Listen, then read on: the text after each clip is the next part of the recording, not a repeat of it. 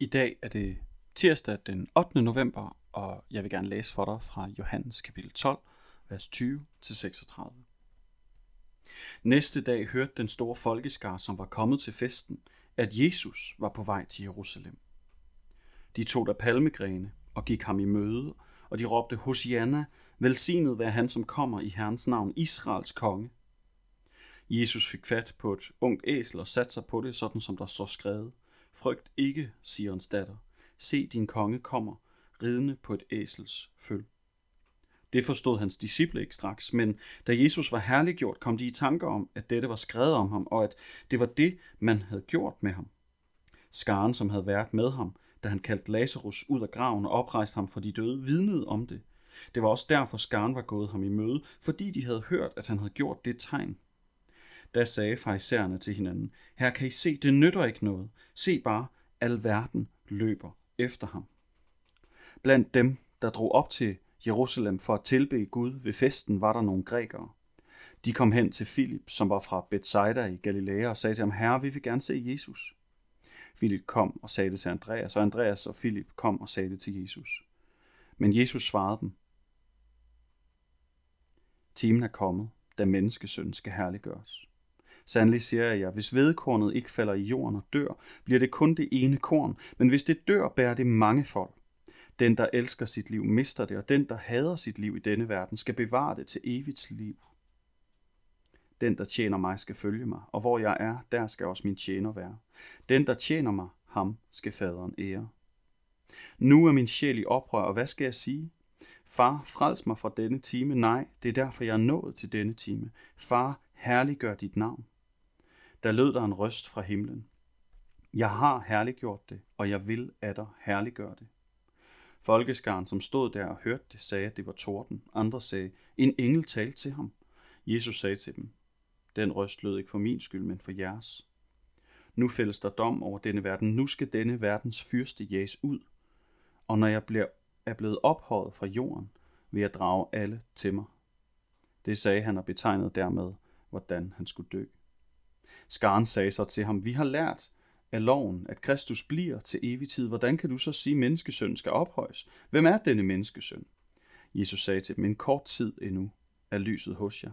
I skal vandre, mens I har lyset, for at ikke mørket skal gribe jer. Den, der vandrer i mørket, ved ikke, hvor han går.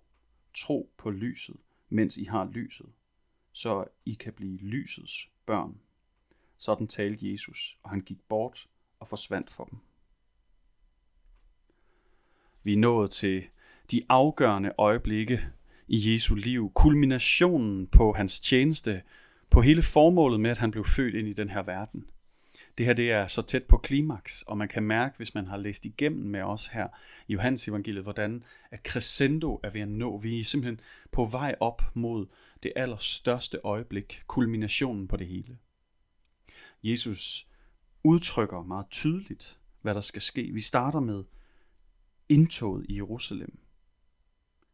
Hvordan han går ind til den her herlighedsfest. Folks forventninger stråler om ham, og jeg ved, at det var noget, I havde med os i går i bibelteksten, men jeg var nødt til at tage det med, fordi det er et vigtigt øh, emne og en baggrundsforståelse for at forstå, hvad der så sker nu. Nemlig at nu taler Jesus til dem. Der er nogen, der bliver tiltrukket ved ham. Nogen af de græske jøder, de græsk talende jøder, og de ønsker, at Jesus han også øh, kommer og taler til dem, underviser dem. Og han underviser dem alle sammen og forklarer, hvordan han som et vedkorn, der bliver lagt i jorden, skal dø for at kunne bære frugt, for at kunne blive til liv for en masse andre. Og Jesus forklarer ikke bare det, men også, at det ikke er nemt for ham. Han siger, min sjæl er i oprør. Hvad skal jeg sige? Red mig. Nej, far, gør dit navn stort ved det, som sker med mig. Og Jesus, han hører for anden gang i sin tjenestes tid, offentligt sin far, Gud, Herren over universet, ham der står på en gang udenfor og emmer igennem hver eneste element i vores univers. Han bryder lydmuren og råber ind, at han har herliggjort sit navn, og han vil herliggør det gennem Jesus. Og Jesus fortæller, at det, der skal ske nu, det vil være med til at bekæmpe ondskaben, den personificerede ondskab, djævlen, satan, modstanderen, løgneren, ham, der forfører os, ham, der vil os det ondt. Og Jesus må forklare, at selvom de forventer, at Kristus kommer, Messias kommer, herlighedskongen, der skal genoprette Israel, kommer, ikke for at blive til evig tid i konventionel magthaverforstand. Han er ikke en despot, der sætter sig på tronen i resten af sin levetid. Han er der, og han kommer med sit rige på en anden måde, der transcenderer deres forståelse.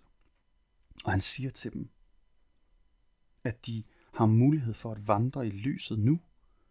Vandre i lyset og blive lysets børn. Og det er der, vi stopper os. Det er højdepunktet her. Han har forudsagt det hele. Han har fortalt det hele. Han har vist sin kærlighed og gjort den gældende for os. Han er som en konge, er han vandret ind i vores liv, og vi har mulighed for at prise ham, og vi har mulighed for at kalde ham Gud, og vi har mulighed for at kalde ham galning, men vi har ikke muligheden for at sige, at han var bare en stor inspiration for mig. For det er ikke noget, han interesserer sig for. Han ønsker ikke at være endnu en influencer i dit feed. Han vil være den, der influencer dit liv. Og du har mulighed for at sige ja eller nej. Du har mulighed for at vælge lyset eller mørket. Og her til morgen, der står vi med den her snapshot af begyndelsen på kulminationen af Jesu tjeneste og liv, det han gør for os. Og vi har mulighed for igen her til morgen at kigge på ham og på hans kors og sige ja tak. Ja tak Gud. Ja tak Jesus. Du er min, jeg er din. Jeg vil vælge lyset fra dig. Lad os bede sammen. Gud, tak fordi, at du lod dig selv dø som vedkornet.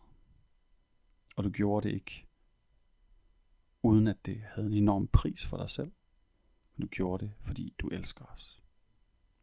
Giv os mulighed til at komme i nærkontakt med den kærlighed nu. Fyld os med din ånd, der vil tale til os og Gør de her ord forståelige, levende, til tro.